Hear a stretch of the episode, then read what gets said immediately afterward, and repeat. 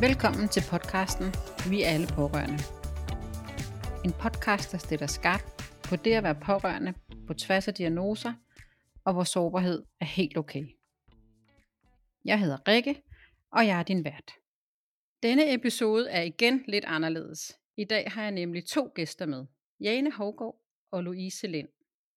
Faktisk er det mig, der skal svare på Janes spørgsmål, så vi kommer godt og trygt igennem pårørende rejsen i pårørende klubben. Louise er med som vores tavse gæst. Louise lytter til det, vi taler om, og så tegner hun det. Hun kan nemlig gøre det komplekse helt enkelt og visuelt. Jane og Louise og jeg er alle futurister, og både Jane og Louise sidder også i mit advisory board. Det var her ideen til denne episode opstod. Pårørende klubben er fremtidens digitale fællesskab for pårørende på tværs af diagnoser, og i Pårørende klubben har vi et unikt fællesskab og sammenhold. Vi støtter og hjælper hinanden. I Pårørende klubben træner vi meget forskelligt, afhængig af hvor du er på din rejse. Det vigtigste er dog, at vi er med til at forebygge de belastningsreaktioner, der kan komme hos mange pårørende, sådan at færrest muligt ikke selv bliver en del af systemet. Vi ved, at 80% af de pårørende på tværs af diagnoser selv lander med en belastningsreaktion, som stress, angst eller depression. Det tal skal være meget mindre og helst væk. Så klubben er for dig, der vil et bedre forløb og et bedre liv. Alle er velkomne, for vi er alle pårørende, ellers bliver vi det på et tidspunkt. Og nu vil jeg byde velkommen til Louise og Jane. Skal vi springe ud i det, Jane? Det synes jeg, vi skal, Rikke. Øh, og tak for at invitere. Øh, jeg glæder mig meget. Øh, og nu sagde du selv, at, øh, at vi, øh, vi snakkede om det her på vores advisory board møde, og det sprang egentlig ud af, jeg tror, jeg sagde noget i retning af, at, øh, at jeg synes, det kunne være helt vildt fedt, hvis jeg nu landede som pårørende, at der lå et afsnit, hvor jeg kunne gå ind og lytte, og kunne ligesom få et indblik i, hvad er det for en rejse, jeg står foran lige nu. Øh, måske få en lille bitte smule overblik i en meget uoverskuelig situation. Mm. Og så sagde du, men der er jo nogle faser, der er jo nogle ting, som går igen. Mm. Øh, og det, det er i hvert fald, øh, som jeg opfatter det, det der blev udspring, udspringet til den her. Ja. Øh, det her afsnit, hvor, at, øh, hvor du siger, at jeg kan ikke, jeg kan ikke sådan lige umiddelbart øh, klar, kortlægge det, så tænker jeg, men det kan vi jo gøre, og så kunne vi jo prøve at lade nogen lytte med, som har lyst til det. Så mm. jeg tænker egentlig bare, at, øh, at vi skal prøve at lave et, øh, et tænkt eksempel og snakke øh, processen igennem. Og så tror jeg nemlig, at der kommer, øh, der kommer noget guld frem, som Louise øh, kan tegne ned, øh, og som ja. måske kan være med til at give det overblik, når du står i en svær situation. Ja. Mm. Jeg er frisk. Jeg er med på den. Ja. Nej, hvor godt. ja. Så Rikke, hvis vi nu forestiller os, at øh, jeg, øh, jeg hedder Jana, og jeg er 35 år, og hvis vi nu laver sådan et tænkt eksempel, hvor at øh, min kæreste, øh, som også er far til vores to børn, han falder om, øh, og han har fået, øh, lad os sige, et hjerte, øh, hjertetilfælde øh, blodprop i hjernen. Og nu står jeg her og har lige fået den her nyhed. Jeg står her med mine to børn og min kæreste, og, øh, og i bund og grund er jeg jo bare i chok, og jeg ved slet ikke, hvor jeg hverken skal starte eller slutte hen. Hmm. Kan du så, altså, hvad, hvad vil jeg så opleve? Hvad er det første, der sådan vil ske øh, for mig, sådan ud fra dine erfaringer? Jamen, du, uh, du siger jo det helt rigtige. Du er i det, man kalder fase 1 uh, øh, i, i fagsprog, uh, som er chokfasen, og det kan vare alt fra få sekunder til, til få døgn. Ja. Så, og i den periode, der, um, der handler det egentlig om at holde det udholdeligt på afstand. Altså det her med, at altså, hvad er det, jeg står midt i? Og, øhm, og, og her vil det også være, altså, vil det være fedt for mig og pårørende klubben, hvis allerede øh, der var nogle fagprofessionelle, altså sygehuse øh, eller øh, hvad hedder det, patientforeninger, men patientforeningen ringer du måske ikke til på det her tidspunkt. Så jeg tænker det på akut øh, afsnittene, at, øh, at det kunne være rart, at de kendte til pårørende klubben, sådan så ja. de ligesom vidste øh, eller ved, hvor at de skal øh, eller kan sende de pårørende hen øh, for mm. at få den hjælp. Jeg har jo selv stået i, i lidt samme situation. Jeg var bare mor øhm, og til vores voksne søn, som fik en hjerneblødning. Øhm, og, øh, og man står virkelig som palle alene i verden, når man står øh, lige på det her tidspunkt i ens liv. Så, ja. øh, så, så, så, det, så, så, så for at finde ud af, øh, at pårørendeklubben eksisterer, det skal du enten vide inden øh, den her krise indtræffer, eller også er der nogen, der skal fortælle dig det, fordi i den her fase er du ikke selv i stand til, for de fleste er de ikke selv i stand til at google sig frem, eller vide, at de har brug for hjælp. Ja. Øhm, Okay, så du siger, du siger det her, nu så, jeg forestiller mig, at jeg står jo inde på hospitalet og har fået den her besked, måske af mine børn oven i købet stadigvæk i daginstitution, ikke? Så mm. min, øh, min første reaktion vil være at ringe til mine forældre og så sige, bror, I nødt til at komme hen børnene, der skal ske, altså jeg ved ikke, jeg ved simpelthen ikke, hvad der skal ske nu. Og så mm. synes du, at, at opgaven her ligesom er at prøve at holde det udholdeligt på afstand. Hvad mm. mener du, når du siger det, Rikke? Altså sådan helt konkret. Jamen, jeg tænker, jeg står jo midt i det, og hvordan, ja. hvordan undgår jeg at blive fuldstændig suget ind og overvældet? Og kan jeg overhovedet undgå det? Altså du kan nej, altså du kan jo ikke du kan jo ikke undgå det uundgåelige. Men øh, og, og man kan sige altså det kommer også an på hvorhen altså, hvor, altså hvordan din frygt, hvordan, din, din, altså, hvordan du selv reagerer. Fordi der er jo mange, der, altså vi reagerer jo alle sammen forskelligt, og det, det, altså, det gjorde vi jo også i vores lille familie, så, øh, så hvad hedder det, øh, så det det handler om her, det er, at, at, øh, at der er nogle mennesker, der tager sig af dig. Eller i hvert fald, at der er nogen, der har din ryg. At der er nogen, der i tale sætter på øh, afdelingen, at vi passer os på dig, Jane. Og ellers så øh, gør øh, pårørende klubben det, eller også så gør Bodil det over i psyki- altså en, en, en psykolog, der måske er tilknyttet. Hvad ved jeg. Øh, mm. Det er desværre ikke sådan, det altid sker. Men du, har, du siger jo selv noget øh, rigtigt. Du ringer til dine forældre. Så, så du ved jo, at dine forældre har din ryg i forhold ja. til dine børn, men de har jo også din ryg øh, de har jo også din ryg. Ja. Øhm, ja. Så, så, øh, jo, så det er det, de fleste gør. Jo, man kan sige, at jeg er også meget bevidst om, at jeg er meget privilegeret på det punkt. Altså min, min, ja. min reaktion i mange ting, det er ligesom at ringe til mine forældre. Men jeg, kan ja. også, jeg får lyst til lige at lave en anden analogi, for jeg, jeg havde en, en ret voldsom oplevelse her tilbage i efteråret, hvor vores øh, treårige søn, han forsvandt ind i Salling. Og det, der siger du noget af det der med, at det er også forskelligt, hvordan vi reagerer. Fordi mm. min, altså, og i sådan en situation, der ryger du jo fuldstændig, jeg var jo også i chok øh, på det mm. tidspunkt. Og min, min øh, rygmavsreaktion, det var jo at begynde at løbe rundt og lede efter ham i gaderne, hvor min mm. kæreste, han altså, gik i chok på en anden måde og stod stille og prøvede at få fat i nogen, der kunne hjælpe. Prøvede mm. at begynde at kigge overvågning, overvågning igennem og sådan noget. Mm. Og det der med, det eneste, der, der var i hovedet på mig, det var, at jeg dør, hvis jeg ikke finder ham. Altså jeg dør, mm. hvis ikke jeg finder ham. Ikke? Mm. Så jeg tænker også, at der kan også være noget i det der med, at, at vi skal vide, hvordan vi reagerer, eller altså, at, at kende sig selv i bund og grund. Mm. Mm. Øhm, og det der med at, at blive, altså, der var jo så mange, der var smed alt, hvad de havde i hænderne, og sagde, hvor, mm. hvordan ser han ud, hvor skal vi være? Så jeg tror også det der med, jeg får lyst til at sige, det der med at være modig til at ture og spørge om hjælp og sige, fuck, jeg er fuldstændig på røven, jeg ved slet ikke, mm. hvad der er op og ned, vil du mm. hjælpe mig? Altså, mm.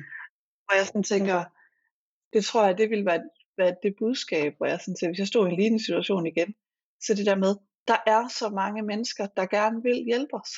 Mm. Men det kræver det også, at vi vil tage imod den hjælp, ikke? Ja, ja. Øh, ja, så det handler så det om os selv.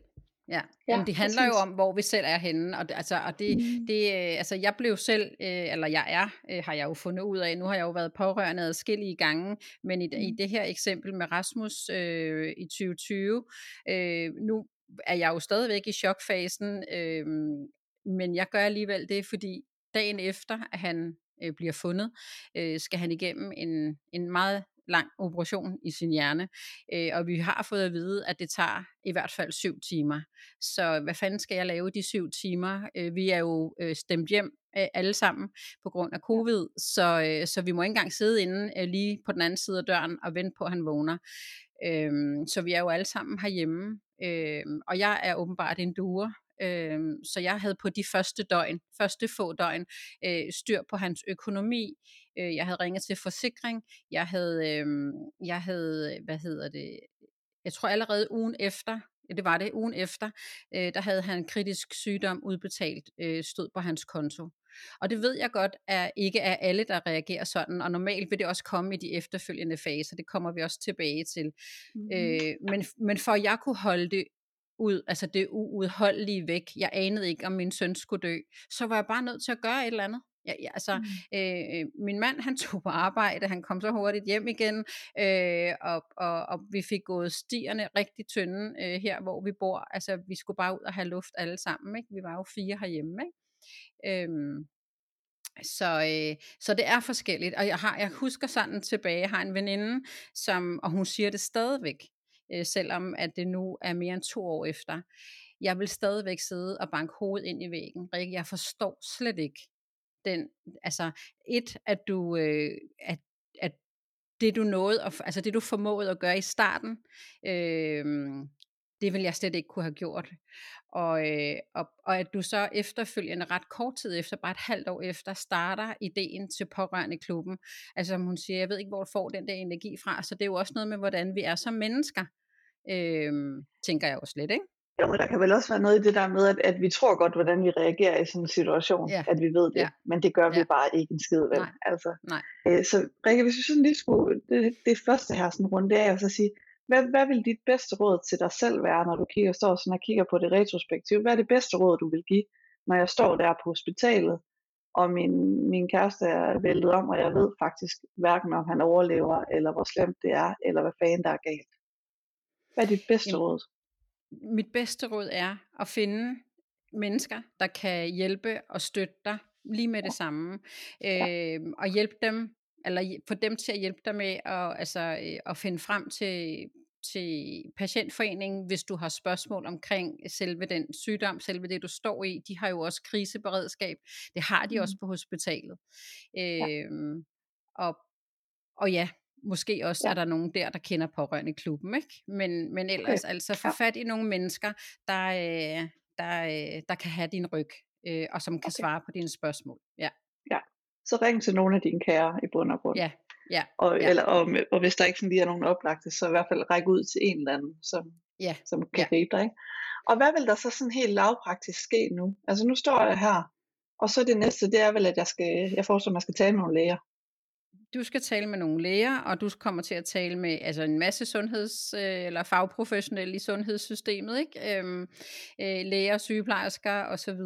Og du kommer også til at stille øh, det samme spørgsmål som jeg, og øh, som alle andre i den situation. Overlever han? Ja. Øh, eller hun. Øh, mm. Det kan jo også være, at vores lyttere er pårørende til nogen, ja. der er kvinder, eller piger. Ja. Men, men, men det vil være det, du, øh, du, du vil spørge om igen og igen og igen og igen. Ja. Og, og, øh, og når du så har fundet ud af, at han lever, og ja. han lever videre, så er dit næste spørgsmål til hvad? Ja. Bliver han normal? Kan han mm. huske? Kan han huske mig, når han vågner? Øhm, øh, ja, Altså det vil være, det vil være sådan nogle, altså spørgsmålene vil, vil ændre sig, men det vil stadigvæk være nogle spørgsmål, som de ikke kan svare på. Ja, jeg skal også sige, fordi det der, ja. det kunne jeg jo forestille mig nu, min kæreste er tilfældigvis selv læge, ikke? hvor jeg tænker, ja. jeg ved jo godt, hvor forsigtige de er med ligesom ja. at forudsige, hvad der kommer til at mm. ske. Ja. Øh, så jeg tænker, at, at der, i den fase må der også sådan være en, nu siger jeg, jeg tænker, at jeg vil have en følelse af frustration, at så giv mig dog for fanden et svar, jeg kan forholde mig til. Ja. Øh, men, men hvad er det vigtigt, at jeg er, er fokuseret på i den her fase med alle de her sundhedsfaglige? Og jeg tænker, der står en hel masse ressourcer foran mig, men hvis ikke jeg kan finde ud af at trække det rigtige ud af dem, så er jeg jo lige vidt. Ja. Så I hvad skal jeg være? Hvad I den her jeg... fase, jamen i den her fase, der skal du, øh, der skal du ikke tænke på at få trukket det rigtige ud af de fagprofessionelle. Der skal du egentlig tænke på at, at stå i dig selv øh, og sørge for at få hjælp den selv. Sådan, så, altså i virkeligheden iltmasken. Ikke? Sørg ja. for, at du får taget den her iltmaske på, sådan så du trækker vejret rigtigt og helt ned i bunden, og, øh, og, og også kan være der for dine børn, når du nogle timer senere skal hjem til dem også. Ikke? Øh, og, og, og måske er de øh, ikke store nok til at få historierne videre, måske er de, øh, men i hvert fald få hjælp til, hvordan du skal øh, fortælle det her til dine børn. Hvordan øh, gør du det bedst muligt, ikke? Øhm, ja. ja. Ja. Okay, altså den del, hvad, hvad er det, hvem, altså, hvor kigger jeg hen? Er det også pårørende klubben, hvor jeg kan få hjælp til den del, eller er det, det patientforeninger, ja. er det hospitalspersonalet? Ja, altså det vil jo i, i, altså i chokfasen, der er du jo stadigvæk på hospitalet, i, den, altså mm. i det her tænkte eksempel. Så ja. der vil det være de fagprofessionelle på hospitalet, der guider dig til det, og det er sygeplejersker. Det var i hvert fald dem, der hjælper os. Øhm, okay. Ja. Men det altså, vi har også øh, eksperter i pårørende klubben, der vil kunne træde til. Men lige her på de her, det er jo stadigvæk få sekunder til få døgn, mm. du er i den her fase. Så der er du på hospitalet, så det er der, du henter din hjælp. Ja, så der er ligesom nogle nedslag, der er, siger, at du får en besked, at du kommer på hospitalet. Du er optaget af, øh, overlever han, hvad han ikke. Der er en mm. opgave med, at jeg skal have fortalt noget til mine børn. Mm. Og hvad, hvad, hvad sker mere, altså i den her fase, hvad er det mere, der sådan ligesom øh, vil ske, eller hvad er det næste, der sker? Nu har jeg fået, jeg kommet på hospitalet og fået at vide, han overlever vi med, med stor sandsynlighed. Vi ved ikke helt til hvad. Der er noget, du skal have fortalt dine børn, Jane. Hvad, mm. hvad så nu? Altså nu så tager jeg så hjem og fortæller, snakker med mine børn. Hvad sker der? Ja, det gør du. Ja. Altså det, det vil være mit bedste bud, der, eller det er mit bedste anbefaling. Der er jo igen her mange forskellige øh, holdninger til og idéer til, hvad man helst vil. Hvis, øh, hvis corona ikke havde, øh, havde sat en stopper øh, for, for, hvordan jeg kunne være på hospitalet, så havde jeg siddet og holdt min dreng i hånden. Øh, ja. tror jeg 24-7 og jeg tror næsten, altså øh, nogen skulle nok have, have flået mig ud af, af det værelse, øh, eller ja. Vagtskifte, hvor der var nogle andre, der kunne tage over. Øhm, og man kan sige, øh, i de første syv uger for hans vedkommende, der vil han alligevel ikke kunne huske, at jeg havde siddet der i 24-7. Så, øh, så når jeg sådan tænker tilbage, så var det faktisk sundt for, øh, for vores familie, for mig og min familie, at vi var herhjemme, og passet på hinanden øh, og reageret på hver vores måde, øh, i stedet for at vi havde kørt en eller anden vagtordning på, hvem der nu skulle sidde og holde Rasmus i hånden. Øh, ikke at, at jeg vil sige, at man ikke skal gøre det, fordi det skal man. Øh, og vi gjorde det jo også hver dag i den tid, vi måtte være der. Øh, men, men det, at der blev sat en ramme om, altså, øh, rundt omkring os, som hed restriktionen omkring corona, så, øh, så, så tror jeg, det blev, altså vi kom måske nemmere igennem det sammen, fordi ja. vi, der var også en anden ting, som var rigtig god øh, ved, at vi sad sammen. Det var i stedet for, at en af os eller to af os havde været på hospitalet og fået øh, svar efter hver stuegang, så blev vi ringet op og alle kunne høre, hvad der blev sagt, eller dem, der gerne ville høre det, af dem, der var hjemme. Det var ikke altid, at, at Rasmus' brødre ville, ville være med på, øh, på medhør, men, men min mand og jeg hørte det samme, øh, og de kunne være med, så der var heller ikke den der, får man fortalt det rigtige, fordi, eller kan man huske at få fortalt alt det vigtige. Så, øh, så det tænker jeg i hvert fald godt kan være en, en læring øh, i virkeligheden på, øh, behøver jeg at være der? Altså, vi kan godt have tillid til, at de fagprofessionelle passer godt på dem, der er indlagt på det her tidspunkt, sådan så vi kan tage os af os selv og, og resten af familien, ikke? Jo, jeg tror egentlig, det er en vigtig pointe, det der med, altså selvfølgelig at mærke efter, hvad er rigtigt for mig, for jeg, jeg har svært ved at forestille mig, øh, når, mm. når jeg tænker et eksempel, at jeg vil kunne gå derfra. Mm. Øh, men det der med i hvert fald at være, være bevidst om, men hvorfor er det, jeg ikke kan gå? Er det for Mortens mm. skyld, eller er det for min skyld? Er det mm. for min skyld, eller for min børns skyld? Altså det der med, mm. mm. og, og måske prøve at have så den der overvejelse af at tænke, på den lange bane, hvad er så det rigtige at gøre her? Mm. Hvad er det, når jeg kigger ja. tilbage på det her forløb og siger, øh, hvad er så rigtigt for mig? Fordi det er nok meget rigtigt det der med, at, at vi kan godt rationelt sidde og kigge tilbage på os og sige, det var sgu rigtigt, de var hjemme, og det vil vi anbefale. Men hvis man har muligheden, når man står der, og man faktisk mm. godt kan være der, så det er jo ikke mm. sikkert, at, altså, at det der, som du selv siger, hvis ikke jeg havde, altså, var blevet tvunget hjem, så havde jeg sgu nok siddet der 24-7, ikke? Det havde jeg, Men det der med 100%. i hvert fald at være, mm. være bevidst om, ja. at giver det her mening.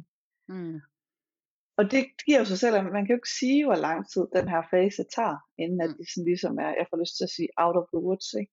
Mm. Men, men hvad er sådan nogle af de, altså nu kan man sige, nu er jeg her, og jeg har fået snakket med mine børn, og jeg er kommet hjem øh, så gør jeg jo, altså jeg tænker jo, der må jo være noget med, som du siger, øh, forsikring, øh, ringe til mm. deres arbejde, ringe til mm. sit eget arbejde. Hvad mm. er det for nogle ting her, der er i spil, Rikke, som, altså, som jeg skal forholde mig? De kom, de kommer måske i virkeligheden først i næste fase, der hvor du begynder at reagere, tænker jeg lidt. Okay. Øh, for nogen, for mig, kom de jo i slutningen af chokfasen. Ja. Øh, så jeg tænker, at vi bevæger os lidt over i fase 2, som hedder reaktionsfasen. Og det er nemlig her, du begynder at finde en mening, og begynde sådan at, øh, altså, øh, hvorfor? Hvad fanden skete der? Hvorfor mig? Hvorfor min Hvorfor mand? Mig? Øh, ja. ja, altså, øh, ja. hvad er meningen med det her? Og, og, øh, øh, og, og nogen siger, jamen der er altid en, en højere mening med ting. Jamen, jeg kan i hvert fald bare huske, at jeg tænkte, der fandt mig ikke nogen mening med, at min dreng på 33 år skal have en hjerneblødning. Der er heller ikke nogen mening, hvis det var din mand i det her tænkte eksempel, som ja. er nogenlunde samme alder. Øh, øh, øh, altså, der er jo ikke nogen mening med det. Så, så, men man prøver alligevel at finde en mening. Det er her, man begynder sådan at, at arbejde videre, og, og øh, man er, altså, man er vred, og man græder, og, og øh, altså, man, man begynder også på det her barnlige tænkning. Altså man begynder på det her med, altså hvorfor var det ikke naboen? Altså alle de her, mm. sådan, man godt ved, altså selvfølgelig... Ja, han ryger ikke... også, og, han, og ham der han drikker, ja, og de spiser ja, også usundt. Ja, altså. ja, præcis. Ja, altså det der fuldstændig... Øh, øh, øh, altså urealistiske er det egentlig. Der kører en masse øh, tanker og shit igennem dit hoved. Øh, men man begynder også efterhånden i den her periode, den var jo så for de her... Øh, få døgn, og så op til 4 til seks uger efter. Og der begynder man så også at se det i øjnene. Altså nu er det her sket.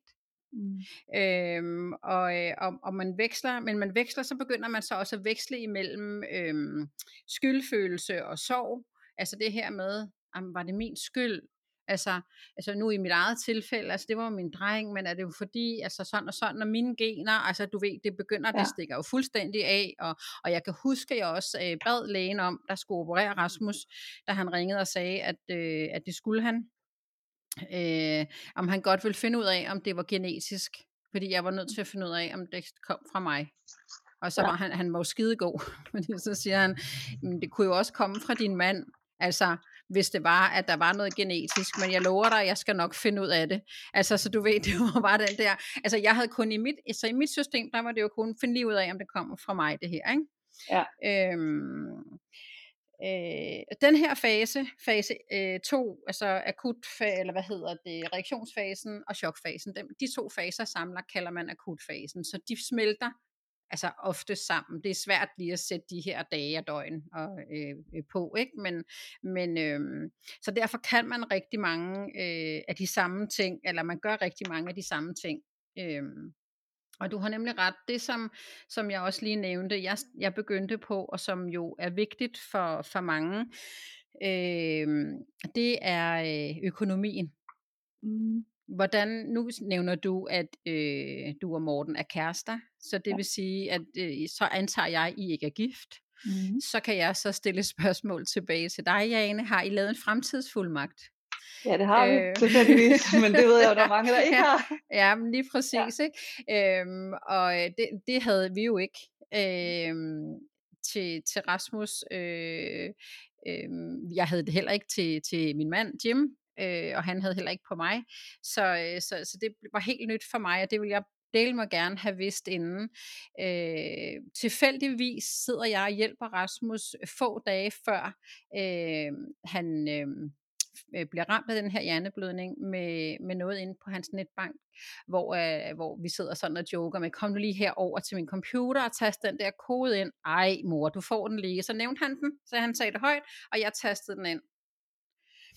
Øhm, og jeg var jo i chok der, da jeg gik i gang med øh, at skulle finde ud af de her ting. Men lige pludselig, jeg tror faktisk, det var øh, morgen efter, han var blevet opereret, altså det har så været tirsdag morgen. Så røg jeg op af sengen og sagde til ham, at han skulle tige stille. Han skulle ikke gøre noget. Og så gik jeg ind til computeren, og så kunne jeg huske den kode. Altså jeg kunne simpelthen huske hans kode til NemID. Og det har jo gjort noget Øh, nej, meget, øh, rigtig meget nemmere, øh, fordi jeg kunne jo ordne alle hans ting. Jeg kunne jo lige pludselig, ellers så havde jeg jo ikke nogen mulighed. Altså Rasmus er, øh, har ingen kæreste og er ikke gift, så det vil sige, der var os til at have de koder. Øh, banken kunne ikke have hjulpet os, øh, forsikringen kunne ikke have hjulpet os, ingen kunne have hjulpet Rasmus i virkeligheden, hvis ikke jeg havde husket den kode, eller havde haft en fremtidsfuldmagt. Altså det der, hvis du får et ret langt forløb, så er det jo en, en reel udfordring, det der med, hvis regninger ja. ikke bliver betalt eksempelvis. Ikke? Præcis. Altså det der Ja, med, så ja, bliver telefonen ja. lukket, og internet lukket, Ja. og altså, Ja, bund ja. altså, Smidt nogle ud af vigtige pointer. Og, ja, ja, Præcis. Ja, ja, ja. Så det er jo, så, så selvom at, at det er jo for mange, der også sidder og lytter med nu, øh, kan, kan tænke, ej, hvordan kan man tænke på kroner og øre og økonomi, når, når, øh, når din dreng eller mand ligger der og måske dør, eller måske overlever, øh, øh, hvor jeg, hvor jeg tænker, jamen det er jo en del af livet også. Altså det er jo en del Mhm. af det at være et helt menneske og være altså at leve i det samfund vi lever i. Det er at der også øh, skal være styr på de her ting. Ja. Øh, og jeg tænker bare lige, bare for en kort bemærkning, vi har godt nok talt om det i en tidligere episode, men en fremtidsfuldmagt er øh, en fuldmagt, man laver, sådan så at man kan, man på den andens vegne kan for eksempel sælge en lejlighed eller en bil, eller optage et lån, eller gøre nogle ting øh, økonomisk, øh, uden den anden er medunderskriver. Der er du nemlig, der sker nemlig, disponere over. man kan disponere, ja, men det er jo det, altså det, det der, så der er mange, der siger, "Jamen, vi har jo den der, øh, øh, hvad hedder det, øh, forsikring. Så Mm. siger men det er ikke den, det er ikke det, altså det, er hvis du dør, så Ja. er der ingen problemer. Hvis han dør, så er der ingen problemer. Så, så er det arvingerne, der får, og så bliver der åbnet op den vej rundt. Men hvis nu han kommer til at ligge som en grøntsag og aldrig bliver sig selv igen, så kan Ja. man ikke sælge hus, man kan ikke, man kan ikke gøre noget som helst, og det, det kan jo vare mange år. Ja. Det er der jo også hørt eksempler på, ikke? Så, øhm, så Men det er en nu, vigtig ting.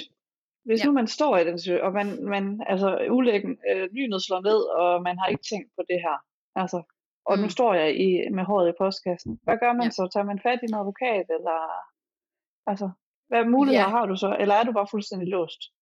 Altså, du er fuldstændig låst. Der er ikke noget at gøre, noget. og det, der er ikke noget at gøre. Øh, så længe din mand ligger øh, og ikke kan, kan, kan skrive under på, på øh, fuldmagt eller noget lignende.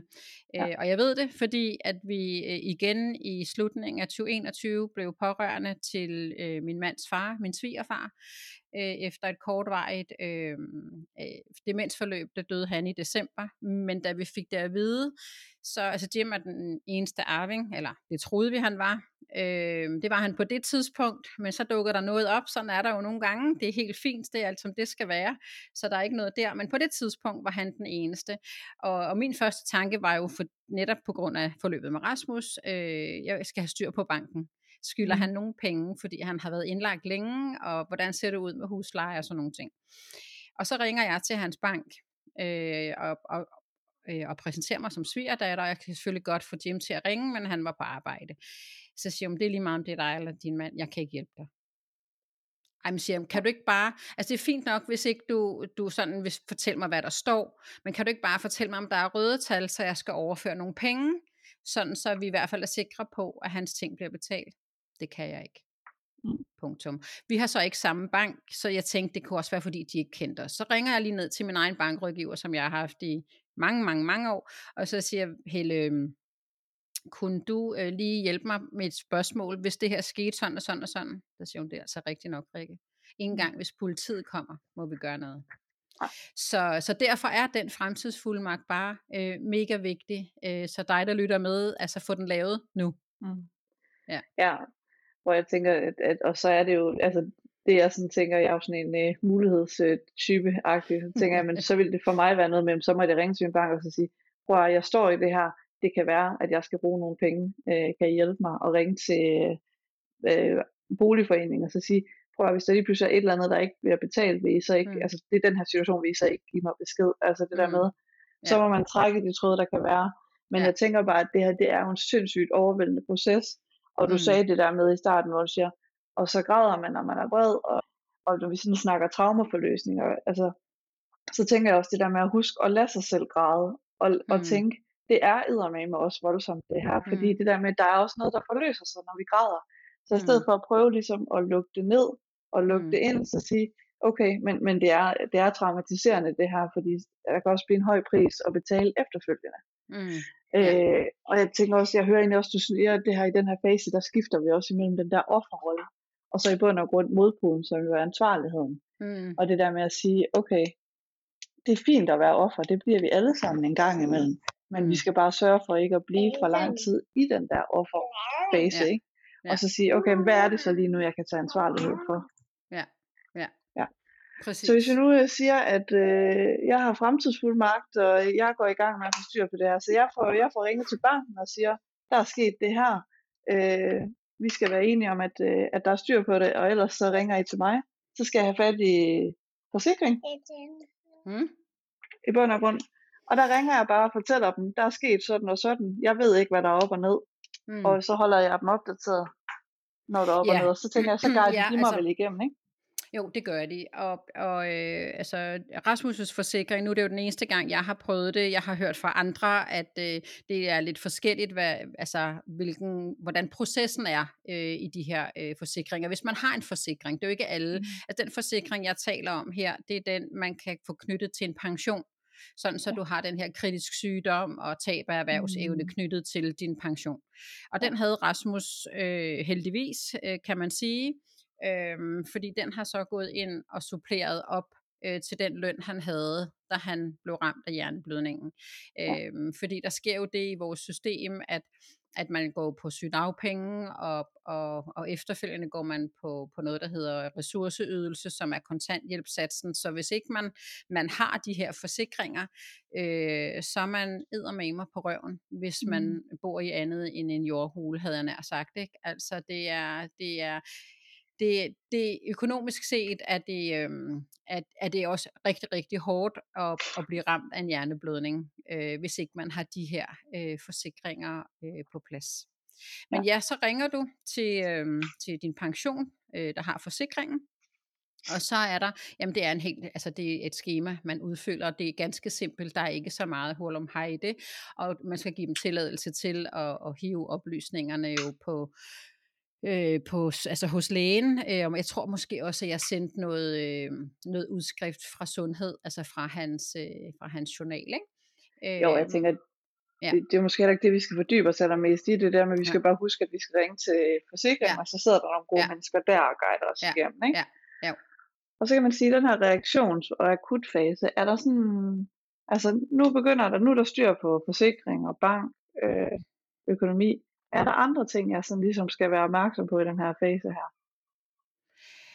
Øhm, nej, Jeg tænker, altså nu nej, begynder der at nej. være, være, Ja. øh, være noget historik på forløbet. Der, skal man sige. der ligger måske en behandlingsplan.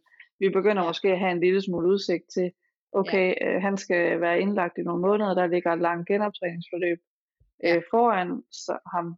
Så jeg tænker lidt, at så er noget af det næste, altså der må også være en eller anden form for en dialog med, med, med Mortens arbejdsplads og min egen arbejdsplads. Øh, Mm. Altså det der med, øh, og børnenes institution, øh, Mm. altså Mm. man sige, dem kunne jeg forestille mig, de kommer jo tilbage i en anden form for dag.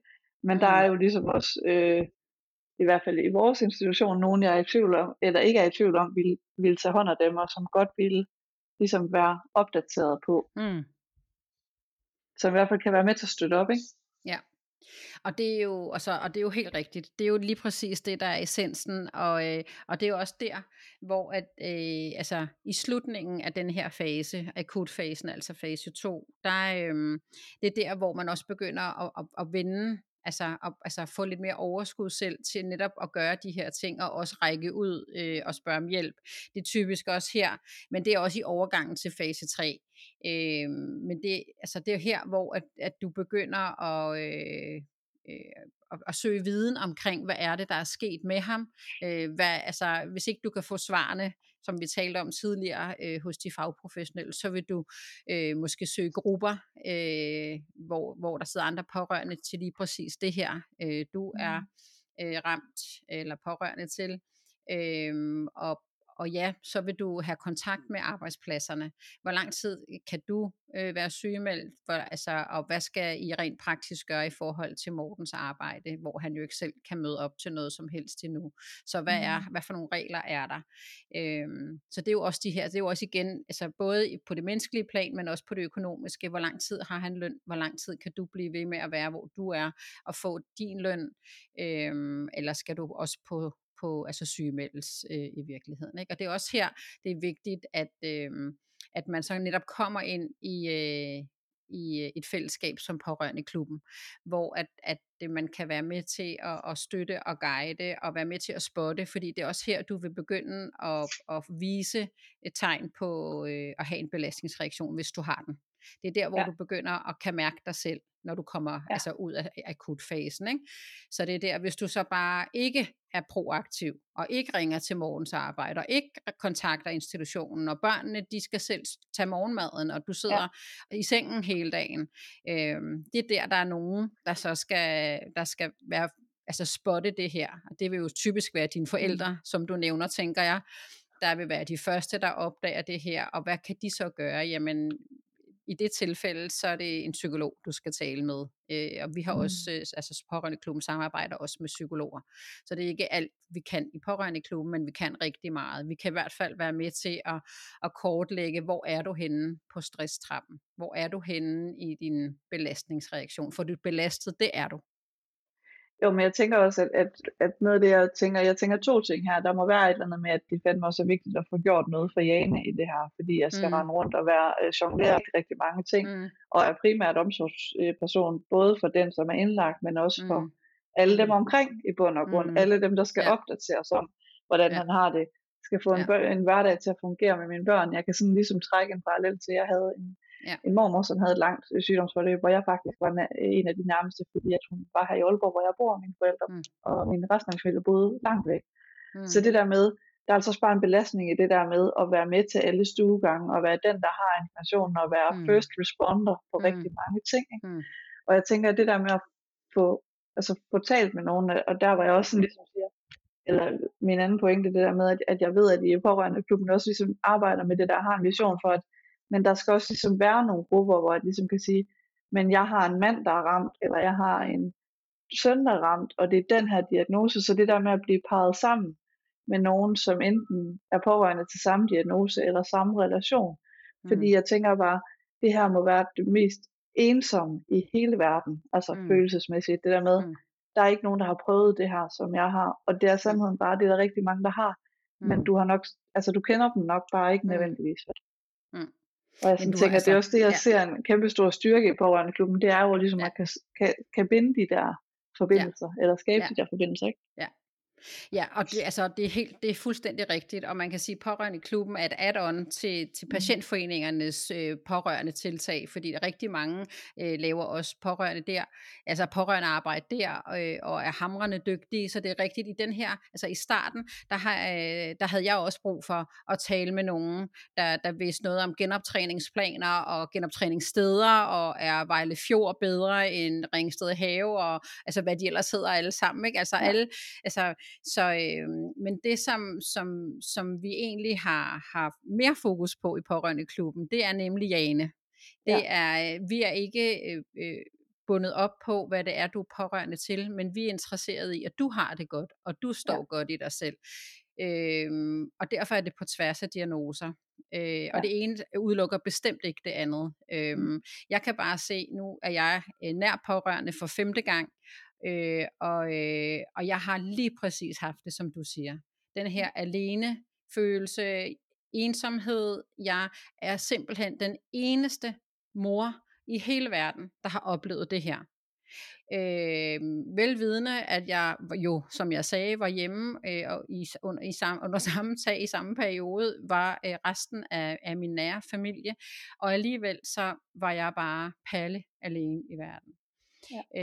Øhm, og det at, at skabe det her fællesskab, og også at være i det fællesskab, vi to er i, øh, så futuristerne, det, øh, det har bare vist mig, hvor vigtigt et fællesskab er. Hvor vigtigt det er at have nogle mennesker, der uanset, uanset hvad, har committet sig. Fordi det er det, man gør i pårørende klubben også. Der committer mm. man sig til at, øh, øh, et, at være sig selv, og to, både give og modtage. Altså, så det vil sige, at vi skal både lære at give, det kan rigtig mange faktisk godt. Mm. Det svære, det er faktisk at modtage. Så når du, Jane, en gang imellem siger til mig, er du helt sikker på, at du har det godt, Rikke? Hmm. Så er det jo kunsten for mig at svare, nej, Jane, det har jeg faktisk ikke. Øh, okay, skal vi to lige tage en snak, ikke? Altså, ja. Og jeg tror også noget af det, der er særligt ved pårørendeklubben, det er den der, at vi ikke vurderer, om noget er rigtigt eller forkert. At det er Præcis. den der med at så sige, Nå, men det er sådan, du har det. Okay. Ja. Ja. Altså, okay. Hvad Ja. har du, altså, Ja. så snakker vi om, hvad har du brug for? Ikke Ja. om det er rimeligt, eller det ikke er rimeligt. Nej. Fordi det det der med vores følelser, dem, de er der bare. Mm. Og så kan vi godt undertrykke dem, men det forsvinder de altså ikke af. Nej. Så det, der gør med, at, at, der også, altså, at det vi kan styre, det er jo ligesom vores fokus. Øh, Mm. og dyrke det, der er taknemmelighed, og snakke om det her med, okay, men grunden til, at det er voldsomt at blive pårørende, og det er sårbetyngende og sådan noget, det er også fordi, der er en anden side af kærlighed, ikke? Mm. Og det der med, at der er også en gave i at have haft det menneske, altså at have oplevet den kærlighed til sin Mm. mm. søn, ikke? Og det der med Mm. også nogle gange at dyrke det, og det der med, at, at det tænker det er noget, vi kommer til at tale lige om lidt tilbage, det der med, at det er jo ikke sikkert, at de kommer tilbage til det, de var. Og Mm. det må der også være en stor sorg forbundet i, så det der med at sige, Mm. okay, men hvad er det så, vi kan dyrke taknemmelighed for, der trods alt er? Eller det der Mm. med, at så bliver det noget nyt, Mm. og vi skal måske genforelske os, eller Ja. genopbygge en Ja. relation, eller et eller andet. Ja. ja. Men Godt. det er Er vi ved at være igennem Ja. den fase, Rikke? Fordi så tænker jeg, at vi skal... Øhm, Vi kan jo snakke om det her i flere altså, dage. ja, men vi er, jo, vi er jo kun lige, altså ja, vi er igennem fase 2. Fase 3 ja. øh, er vi lige begyndt at snakke om, fordi altså, det er måske i slutningen af toeren, men treeren, den var så fra 6 uger til øh, op til et år. Ja. Øhm, og det er der, hvor du begynder at bearbejde, og det er her, de fleste pårørende af sig selv kommer i pårørende klubben eller i andre fællesskaber, der har noget med, altså nu vil jeg gerne arbejde med det her. Ikke? Øhm, og jeg skal lige sige, at når man kommer ind i pårørende klubben til at starte med, hvis man er i fase 1 eller fase 2, så får man tilbudt en, øh, en en-til-en øh, med enten mig eller en af eksperterne, hvor vi ligesom prøver at kortlægge de her øh, belastningsreaktionen på en eller anden måde, sådan, så vi ligesom har noget at forholde os til. Øhm, Men også og, måske at få, få et billede, at jeg som pårørende i den der fase får et billede af, hvad er det, der ligger foran mig. Ja, Altså Ja. det der med, at, Ja. at når jeg så står i det og siger, at det var faktisk det, der er her på planen. Ja. Jeg er bare i Ja. proces. Ja. Og det der med, for jeg tænker, det er også det, den der forudsigelighed og den der tryghed i, at jeg faktisk er normal, vel, som Ja. fylder enormt meget. Fuldstændig. Ja. Ja. Og den vil man så igen få tilbudt her øh, i fase 3, øh, hvor, det, hvor der både kan være nogen, der altså, har været der længe, men også være, komme nogen, der først øh, er, lander i, i pårørendeklubben på det her tidspunkt. Så, øh, så der svarer man igen, og har man så, altså det anden gang man svarer, så kan vi jo hurtigt se, eller jeg kan hurtigt se, øh, om de er på vej opad eller nedad på, mm. på belastningsreaktionen. Og, øh, og, og min baggrund for det her skylder jeg måske også lige at sige, altså jeg er uddannet mastercoach og har arbejdet med pårørende en til en øh, siden 2006, og jeg har også en master i, i stress. Så, øh, Mm. så, så, så jeg er vant til at arbejde med de her ting.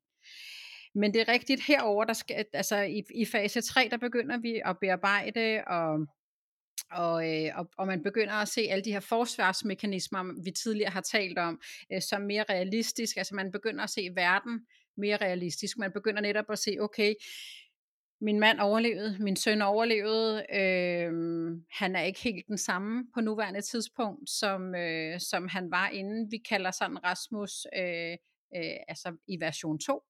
Fordi Ja, der er jo Rasmus rigtig, 2.0, ikke? Rasmus 2.0 lige præcis, fordi der er rigtig meget øh, af version 1, som han bare ikke har.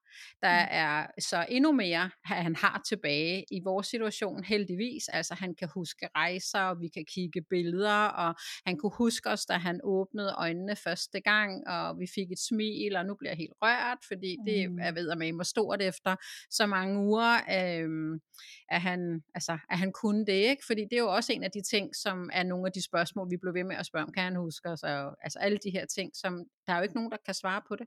Der er jo ikke nogen, der kan lave en måling på Rasmus' hjerne og sige, jamen nu bliver han sådan her, når han vågner op. Sådan, er, sådan fungerer det bare ikke.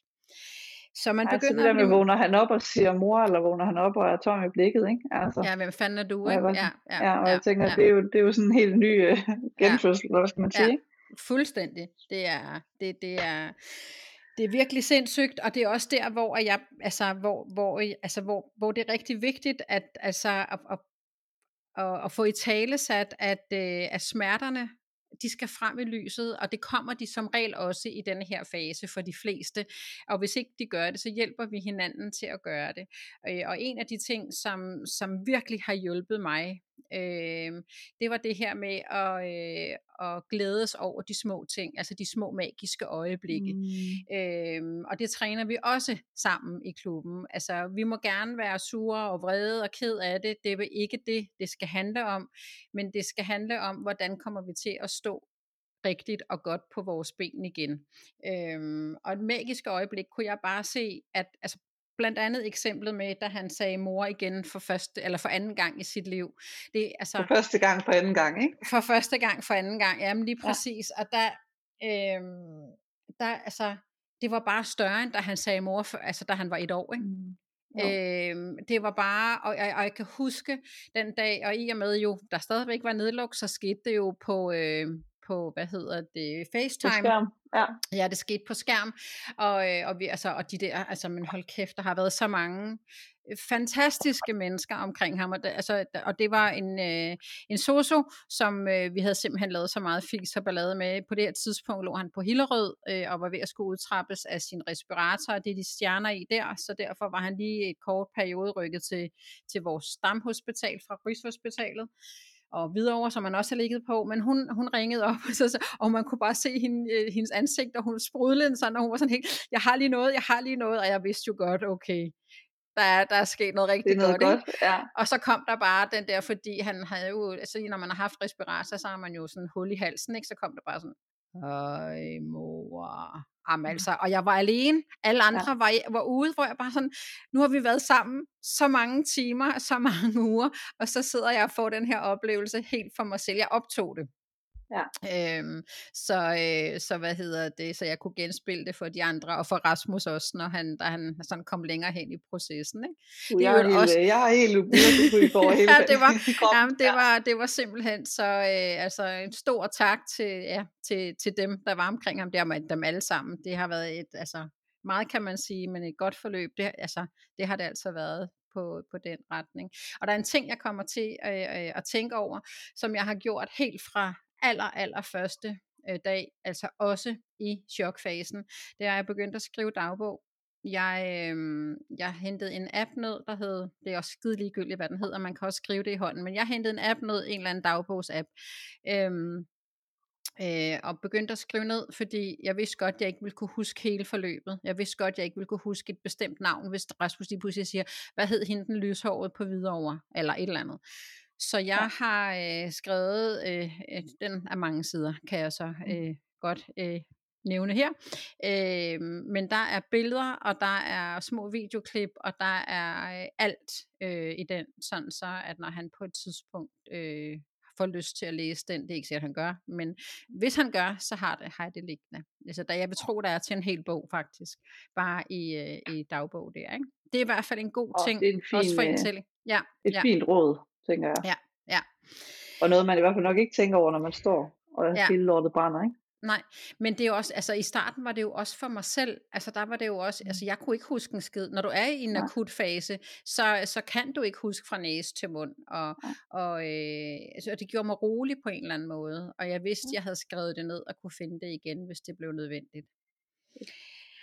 Nå, øhm, Rikke, den her fase ja. 3, hvis vi ja. nu skal blive sådan konkrete, fordi jeg tænker, det er jo ja. nu, jeg skal til at tage stilling til, at nu, han, nu skal han til at ud fra sygehuset, og jeg skal ja. finde ud af, hvor ja. fanden skal han hen, ja. og jeg skal måske til, nu siger jeg, at slås med systemet, hvis vi sådan, ja. øh, skal, skal tale meget, øh, meget ja. bredt i forhold ja. til den dialog, der i hvert fald er i samfundet ja. lige omkring ja. Ja. knaphed ja. og de her ting. Præcis. Så prøv at sige, ja. hvad skal der sådan helt konkret, hvad er det for nogle, nogle ting, jeg nu skal have vinget af på to-do-listen? Jamen her Øh, her der, øh, der skal du øh, jamen der skal du virkelig klædes på. Fordi ja. der er altså der er nogle ting i, i vores, nu kalder jeg det jo vores sundhedssamfund, fordi at jeg øh, tænker, det er den vej, vi kommer til at gå på et tidspunkt. Det er vores sundhedsvæsen og vores socialområde, der ligesom bliver øh, knyttet sammen, fordi jeg synes, det er mega vigtigt, og det er der et kæmpe behov for. For der sker nemlig det, at når man går fra det ene system til det andet system, så mister data. Så lige præcis derfor er det også rigtig godt, at man har lavet dagbog, fordi at øh, øh, når du begynder så, og, altså du har jo sideløbende med, at din mand har været, eller din kæreste har været, Morten har været indlagt her øh, i dit tænkte eksempel, så har du jo også, øh, fordi du nævnte du i eksemplet, at det var en blodprop, så vil du også øh, i de fleste kommuner blive tilknyttet en hjerneskadekoordinator fra kommunen, så det vil sige sideløbende med de fagprofessionelle på sygehuset, vil du også have kontakt til kommunen, fordi der er nogle ting, de så også skal i forhold til sygdagpenge og, og så videre. Og ja, der skal man altså klædes på. Og det er en af de ting, vi er rigtig gode til i, i pårørende klubben, altså til at, at stå bag de pårørende her i fase 3. Øhm, det gør vi blandt... fortælle mig, hvad mener ja. du, når du, når du siger, at jeg skal klædes på? Hvad betyder det sådan helt lavpraktisk? Jamen, jamen, du skal klædes på til, at du får ikke...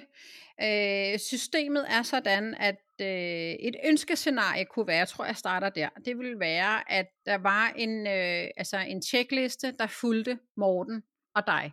Så det vil sige, det øjeblik, at der bliver oprettet en sag inde på sundhed.dk, Morten er kommet ind med 112, bum, så kommer der en checkliste med alt det, at øh, læger og sygeplejersker skal, skal gøre måske i en vilkårlig rækkefølge. Det er ikke alt, man kan lave kronologisk. Nu var Rasmus indlagt på tre, tre forskellige sygehus og et genoptræningssted, der også var et sygehus. Det vil sige fire sygehus. Og han er jo rykket så. Og der, der mistes bare data for hver gang, der sker et skift. Så, ja. øh, så det her med, blandt andet havde man ikke fået tjekket hans øjne, hvilket var øh, ret væsentligt, fordi han havde samsynsproblemer, så derfor var det svært for ham at gå på trapper. Så det var ikke fysisk, fordi han ikke kunne gå på trapper. Det havde han lært på det tidspunkt, men, men man kunne ikke finde ud af, hvorfor fanden han blev ved med at være så skide usikker. Det var fordi, han ikke kunne se så godt. Nå. Men hvis nu den havde været på den checkliste, så kunne man se, om okay, det, det fik videre over ikke tid til, så gør vi det lige her, eller så må vi gøre det, når han kommer ud i kommunen, ud i det kommunale. Men så man ved, hvad der skete. Og når man så kommer i det kommunale, så, for, altså, så er der jo igen rigtig mange paragrafer og love, som du ikke øh, aner en noget som helst om. om. Ja. En hat om, ja. Øh, jeg var måske ved at sige noget, der var, ikke var lige så pænt. Nå, øh, hvad hedder det, øh, og det, og, der, og det burde vi få, der burde vi også få, prøv her, øh, jeg sender lige den her på e-boks til dig, det her det er det, du skal igennem, på et eller andet tidspunkt skal I forholde jer til det her, nu har du den bare liggende, du skal ikke forholde dig til den nu, vi tager den efterhånden. Sådan er det ikke.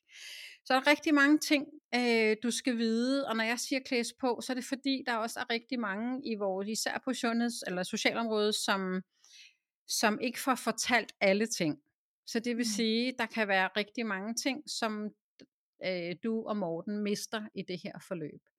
Øh, og, og, og nogle er dog så øh, ufine at sige, at, at der også er nogle øh, socialrådgiver og sagsbehandlere, der med vilje undlader at sige nogle ting, fordi det koster penge. Det har vi ikke oplevet i, i Rasmus' sag, så, øh, så, så der, det ved jeg ikke nok om. Men jeg ved, at der kører, som du sagde, øh, en masse sager, ufine sager, blandt andet i, i jobcenterregi. Øhm, og, og, det, øh, og det skal man altså klædes på til som pårørende. Øhm, fordi jeg er af den overbevisning, øh, det viser sig så også, at øh, det er rigtigt, at jo mere vi inddrager, og jo bedre vi inddrager de pårørende på en ordentlig måde, jo bedre forløb får vores ramte, uanset hvornår, altså hvor lange forløb vi er i. Så jo mere at vi er med rundt om bordet, øh, eller jo bedre vi er med rundt om bordet, jo, øh, jo bedre forløb får vi. Så, øh, så, så der, der er en del, der skal klædes på i den her fase, det er der. Mm. Ja. Oh, jamen, så den liste, den, øh, den laver pårørendeklubben på et tidspunkt. ja, ja, hvis vi kan få adgang til de ting, der skal tjekkes, fordi det er jo mange, altså det er jo, det er jo meget på sygehus og så videre. Og men jeg ja, tænker det bare, godt... jeg tænker templaten, at det der, hvis du har en, der har en hjerneskade, så er det de her ting. Ja, ja, ja. ja, ja, ja. Den, den kunne pårørendeklubben godt være primus motor for, den men det er en snak til en anden dag. Den, den tager vi en anden dag, ja. ja. Men, men, men det vi så laver, altså det her med, at, altså, fordi det bliver jo lige pludselig en ekstra opgave, altså som jeg, jeg kalder mig selv projektleder i, nu har vi jo to drenge, der har hver deres udfordringer, så jeg er jo projektleder på begge deres forløb, og, øh, og det koster sat mig meget tid. Altså det, det koster rigtig meget tid. Øhm, og al den viden, jeg ligesom har indsamlet gennem mere end 20 år, det er jo den, der ligger i pårørende klubben. Sådan så, at du, Jane, når, øh, når du støder på den næste udfordring i, i, i dit tænkte forløb, så ved du, at du kan få svaret hos mig mm. eller en af eksperterne. Øh, og ellers, hvis ikke vi har det liggende, øh, vi har jo lavet en helt platform, hvor det ligger ja. på, så kender jeg et sted, hvor jeg kan søge det, og så kommer det til at ligge der, ikke? Ja. ja. Ja, det giver sådan et, et ret fint billede i det der med, at, at altså, at det pårørende klubben jo i hvert fald, jeg får et billede af, at det pårørende klubben gør, det er, at, at de klæder mig på til at navigere igennem den her fuldstændig umulige situation. Hmm. At det der med, alle de der udfordringer, jeg kommer til at stå over for, dem har du været igennem, ja. Ja. og har fundet den hårde løsning på, altså brugt rigtig meget hmm. tid på det, det kan du så egentlig spare mig for, fordi hmm. at, at du har din her træk på. Så jeg ja. synes, det er, sådan, det er en rigtig fin... Uh, Øh, og der er vel også noget, tænker jeg, Rikke, i forhold til mindset i det her, når jeg, mm. i det her mm. møde med systemet. Ja. Øh, fordi jeg tror, jeg tror, vi deler den der overbevisning om, at der er jo ikke nogen, der vil nogen det dårligt i det her system. Der er bare nogen, der har nogle rigtig svære arbejdsforhold. Mm. Og så er det også vores opgave som pårørende at blive ved med at sige, nu kalder jeg det ansvarlig eller proaktiv. Ikke? Men det der med at sige, vi har den samme interesse. Vi skal bare lige mm. være, altså fordi at, at der er jo også mange konflikter, tænker mm. jeg, forbundet mm. med det her. Så der er jo også en, altså, men der kan vi også der... hjælpe, jeg kan også ja. hjælpe mig selv som pårørende, ikke?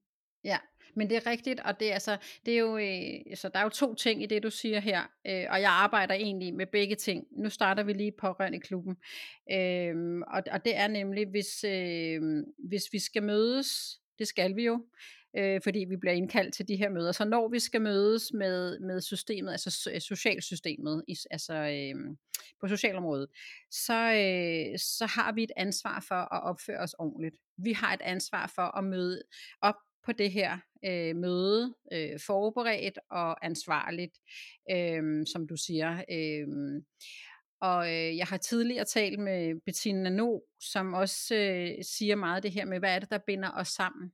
Hvis nu vi kan starte hvert møde med at sige, og lige minde hinanden på, vi sidder her, fordi at Morten er indlagt. Ja. Vi sidder her, fordi Morten er på en genoptræningsplan. Så vi er enige om, at det er Morten, der er vores altså det, det er det, der binder os sammen. Ja. Kan vi også blive enige om, at det er, vi alle sammen gerne vil have den bedste løsning for Morten? Mm. Hvis det bare bliver i tale, så at nu har jeg selv prøvet det siden, at, at, øh, at jeg havde den her snak med, med Bettina, og det virker. Jeg kan jo bare sige, det virker. Der er jo ikke nogen, der sidder og siger nej. Nej, nej, jeg sidder her ikke for morgens skyld. Ja. Alle nikker jo for fanden, ja. fordi det er jo derfor, vi sidder der. Det er jo derfor, vi bruger tid på det her.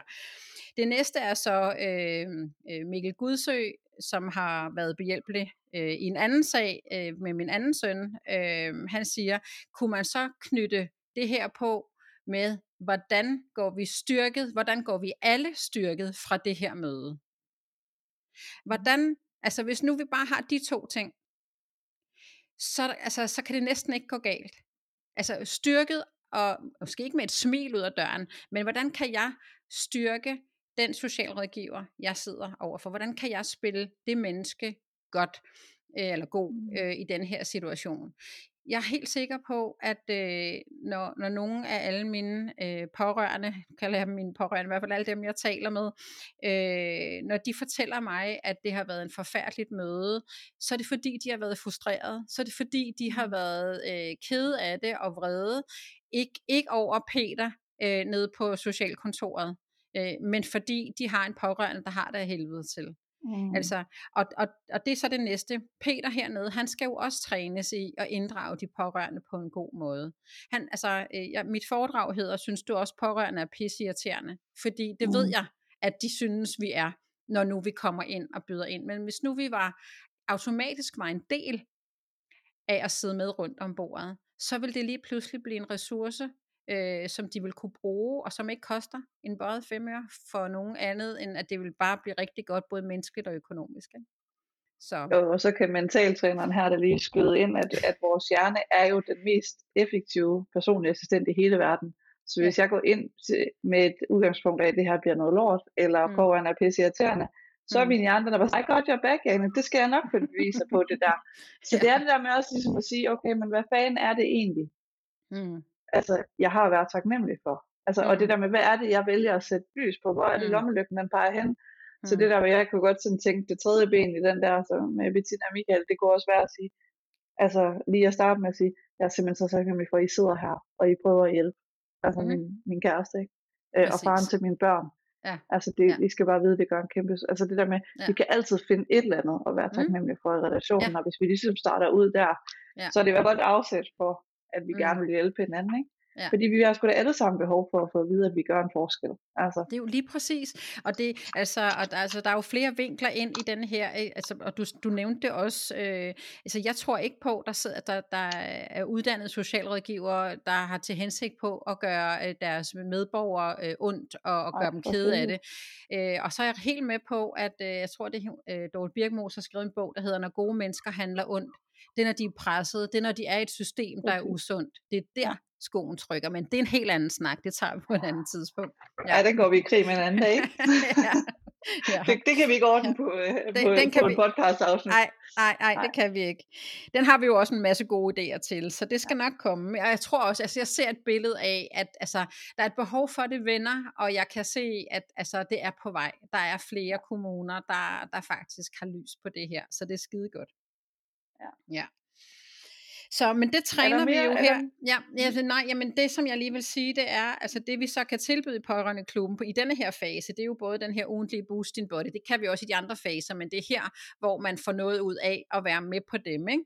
Og, øh, og man kan blive, øh, at have body talks med andre pårørende eller eksperter, der så også er med, ikke? Hvor man, hvor man så får støtte til ja, jeg skal til møde på fredag, jeg har lige brug for et boost, jeg har lige brug for, altså kan du ikke lige bare 10 minutter, så jeg lige står rigtigt, og jeg lige har den rigtige ja. approach, når jeg går ind til det her møde, eller jeg er skide ked af det i øjeblikket, jeg har bare lige brug for øh, et øre, har, har du 10 minutter eller et kvarter ja. til, så bare lige kan få lov til at bøve sig af, som jeg ja, oh, uschammerende kalder det. Ikke? Ja. ja. Så det er det, vi kan her. Mm. Jeg ved jo også ikke, at der er, altså, at der er en kernekompetence, som fremtidens pårørende skal have og som yeah. I også træner derinde. Øh, uden at det sådan er, fordi du skal gå for meget i dybden med det, men kan du ikke prøve at sætte ord på det der med, fordi der er jo ligesom nogle kompetencer, jeg skal besidde for at blive en succes som pårørende. Mm. Altså, og med at lykkes med at være den her, nu kalder jeg det nye form for pårørende, som jeg tror, du kalder ja. det medrørende en gang imellem. Ja, ja, ja, det er rigtigt. Der er en af vores andre futter, Anne Meinicke, der har, øh, der bruger, eller har lavet trenden, der hedder fra øh, pårørende til medrørende. Okay. Øhm, ja, ja, lige præcis. Det er det, og, ja. ja, men lige præcis, og det er, øh, og det er, øh, altså ideen med den, det er jo, at vi skal være med. Ikke? Altså ja. vi skal være medspillere i stedet for modspillere, så den er mega god. Den er, den er mega god. Øhm, ja, fordi når vi så, altså det her, det er jo så op til et år, og så er vi jo egentlig på vej over i fase 4, og fase 4 er øh, det, man kalder nyorienteringsfasen, Øhm, mm. og, øh, og det er egentlig ikke nogen fase, fordi den var fra et år og resten af livet i virkeligheden. Ikke? Altså fra nu af er du pårørende. Så der, ja. der er ikke så mange andre, øh, altså, der arbejder med denne her model, øh, der har bygget videre på den. Så det har jeg gjort, øh, sådan mm. så at den nu øh, er en del af pårørende klubben. Øh, og det er her fremtidens pårørende ligger. Og det er der, hvor man begynder også at have overskud til at give tilbage øh, til de andre pårørende, altså den erfaring, man selv sidder med, altså man, har, altså man er med på den her vægt, altså både give og tage, ikke? og det er også her, man finder en mening, altså virkelig finder en mening med at få lov til at, øh, at, at give noget tilbage, både til de andre pårørende, men også bare sådan helt generelt til samfundet. Øh, jo, jeg tror øhm. også det der med, ikke, altså, at jeg synes bare, det er virkelig en vigtig pointe, at, og måske også når man står i, at det hele stinker, at sige, men der er også en, en nu siger jeg en endestation, men i hvert fald en længere hen i cyklen, cyklusen, hvor du vil få et, en følelse af, at det er meningsfyldt, at du skulle igennem det her. Fordi mm. at så kunne du hjælpe nogen, altså så bliver du i stand til at hjælpe nogle andre. Det kan jeg forestille mig, at rigtig mange af jeres pårørende i pårørendeklubben, der faktisk altså også på en eller anden måde kommer til at bidrage på den her agenda. Ja. Øh, og hjælpe andre og stå til rådighed, og måske endda nogen kommer til at leve af det. Ikke? Ja. Øh, Ja. Så det der med at sige, når du står i chokfasen, så er det måske ikke der, du skal begynde at finde mening, men du skal have en anden sindsro omkring, at du skal nok lade et godt sted. Altså hvor man kan sige, jeg tror, hvis, hvis man, når man står i, at det hele det stinker, kan have den der med, ja, uanset hvad, så skal jeg nok blive okay på den anden side. Men mm. det er mm. frygteligt, altså det er mm. frygteligt nu, men mm. jeg skal nok komme styrket ud på den anden side. For ja. det tror jeg faktisk på, at alle pårørende kan. Og det kan de også. Det kan de også. Og, og man kan sige, det der er vigtigt for mig også at i tale sæt her, det er jo, nu nævner du da også fremtidens pårørende, og det er jo det, det er jo det, jeg arbejder hen imod, at vi alle sammen bliver, alle pårørende bliver ja. fremtidens pårørende. Der var en, der så fint skrev til mig et opslag på LinkedIn for noget tid siden, hvorfor ikke nutidens? Altså, ja. hvorfor skal vi ikke opføre sådan her nu? Men det skal vi også. Vi går i gang nu, ja. Men, ja. men der er jo stadigvæk et stykke vej fordi det her, det er... Det er, det er altså, for der, life, ikke? Altså. Det er jo for life, og der er jo mange, der skal være med. Og så er der også mange, der sådan siger, men Rikke, vi er jo alle pårørende. Det siger du jo. Øh, ja, mm. eller så bliver vi det. Så det her, det er jo måske også en god øh, anledning til ligesom at få at få, få tænkt sit eget liv igennem. Fordi når jeg siger mm. pårørende, så behøver det ikke at være nær pårørende. Jeg siger, at jeg er nær pårørende til fem. Ja. Men, men min veninde, som, som jeg nævnte før, som, som, øh, som siger, at jeg, jeg vil slet ikke kunne have lavet alt det, som du har lavet, øh, hun er jo også pårørende til min søn. Ja. Øh, og, øh, og øh, så, så, så, og det altså, tror jeg, så det er vigtigt. Kollegaer, altså nu har min mand og, og Rasmus haft samme kollegaer, de var ansat samme sted øh, på derværende tidspunkt, da det her det skete. Og, øh, og, og min mand har jævnligt øh, talt med Rasmus' gamle kollegaer, øh, der virkelig har været berørt af det her. Altså der virkelig mm. har været sådan, altså oprigtigt berørte af, hvordan går ja. det med ham, ikke? Øhm, øh, nær kollega, de har, de har kørt sammen i samme bil hver dag i, altså i, altså ja. Så, så det er jo også ja. noget med at sige, det er, øh, det er også noget, vi skal i talsætte på arbejdspladser. Hvordan takler man de her ting ude på arbejdspladserne? Hvordan, hvordan øh, takler man, at Morten er ramt, øh, men hvordan mm. takler man så øh, Jane, når hun ringer hvad er vores, mm. har vi en procedure for det? Har vi en procedure på din arbejdsplads for, hvordan, hvordan man gør, når Jane bliver pårørende? Hvad har vi af muligheder for hende? Øh, jo, har vi sundhedsforsikring? Ja, det har vi måske. Men har vi også et tilbud pårørende i klubben? Det kunne være dejligt, ikke? Ja. Øhm, ja. Men jeg tror, altså, jeg tror måske, det er, det, er, det er et afsnit til en anden dag, men det der med ligesom at have den der dialog om, hvordan er det, vi behandler de der nære pårørende. For ja. der er jo så mange af dem, der fortæller det der med, at folk stopper med at ringe, eller ja. at komme, eller de ja. undgår mig. Ja.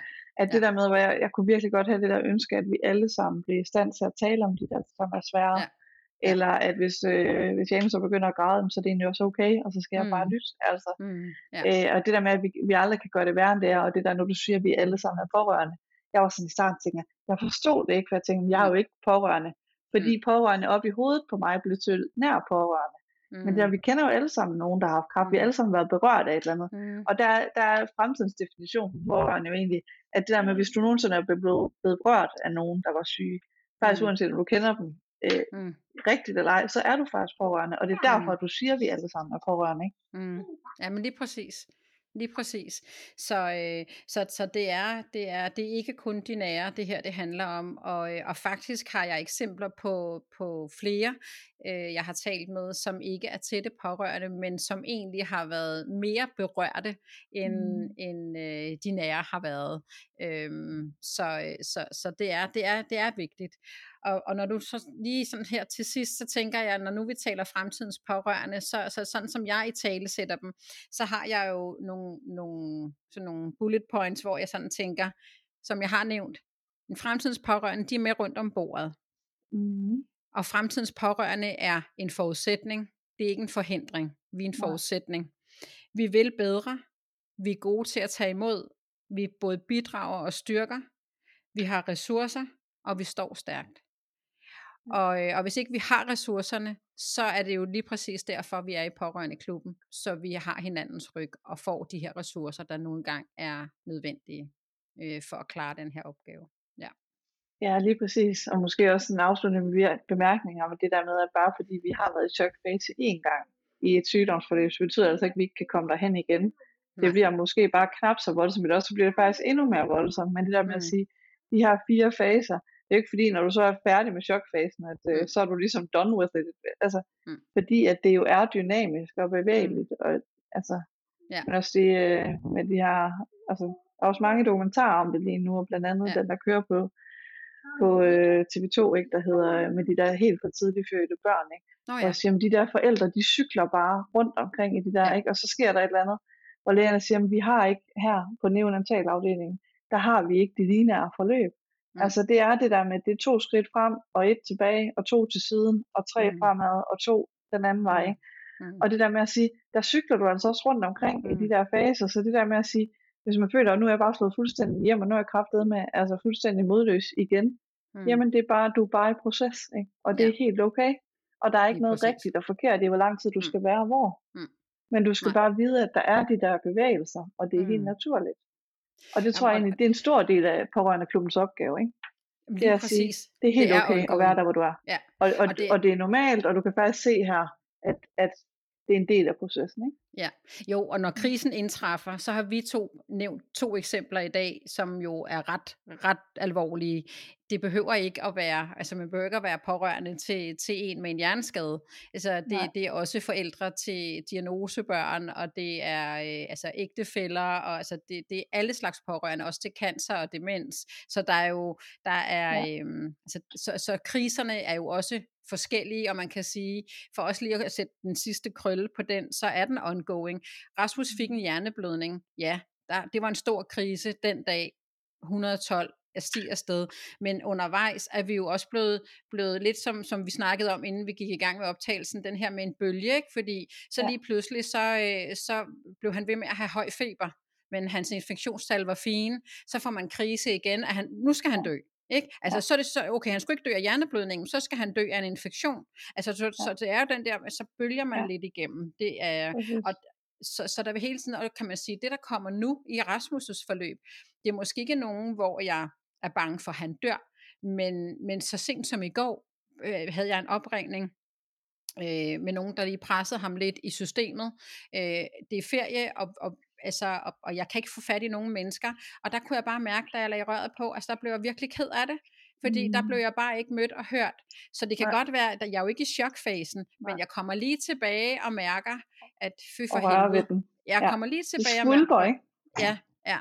Så, det er øh, ja, og der er jeg altså glad for, at jeg også kan gå tilbage i pårørende klubben, og, og jeg ved, at, at jeg kan finde mennesker her øh, og andre steder i mit netværk, der har min ryg, så jeg 1, 2, 3 står på mine ben igen, og trækker vejret og ringer tilbage til det her menneske og siger, prøv at høre, der er ferie alle steder, kan vi tage den i uge 32, når jeg er tilbage? Ja, ja, mm. selvfølgelig. Jeg, ja. jeg følte mig bare lige max presset, fordi jeg går på ferie om fire dage, ikke? så det var okay. bare, ja, så, øhm, så, så øhm, ja. Det er, ja. altså, jeg tror bare, det er bare så vigtigt det der med, at, at altså, jeg sad jo der og tænkte, ja, jeg er jo ikke pårørende, mm. men det der med, når vi alle sammen lige går på, altså på, på øh, for det genbesøgt, altså, ja. jeg tror, vi sidder rigtig mange ligesom mig, som rigtig, har været rigtig dygtige til at undertrykke det der.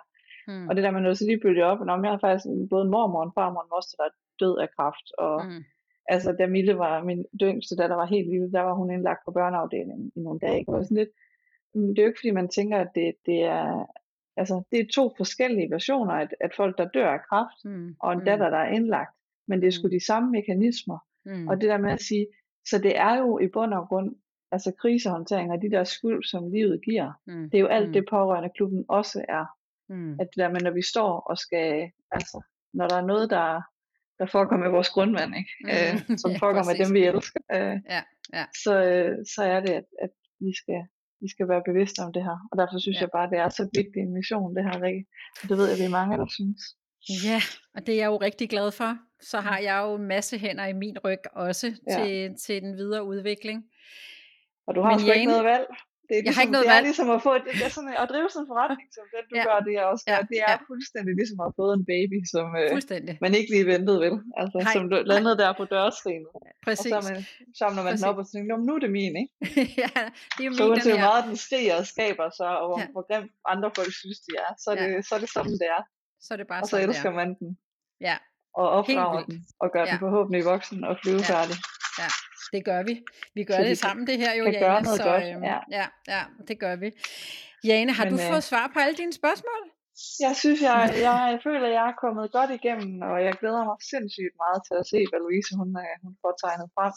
Ja. Og jeg tænker, jeg tror, at den her snak øh, har trukket mange gode pointer frem, ja. som øh, ville kunne være rigtig fedt at have, når, øh, når katastrofen eller desværre det indtræffer, at man lige kan printe en A4-side ud og kigge ja og så ja. sige, det er det her, der kommer til at ske nu. Ja, ja. i hvert fald variationer af det. Og Ja. man kan skabe måske en lille smule tryghed og sikkerhed i en meget, meget svær situation. Præcis.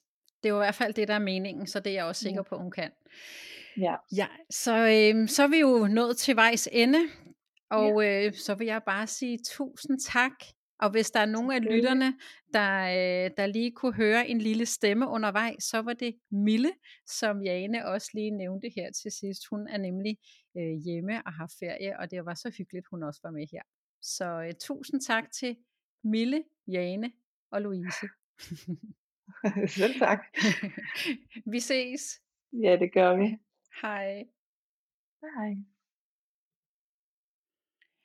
Vil du være en del af fællesskabet, vil jeg med glæde byde dig velkommen til Pårørende Klubbens Facebook-gruppe.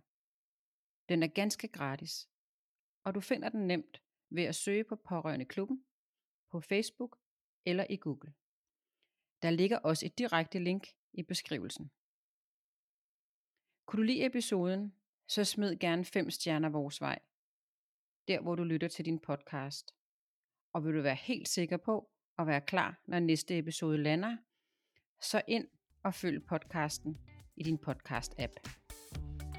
Tusind tak, fordi du lyttede med til denne episode af podcastserien Vi er alle pårørende.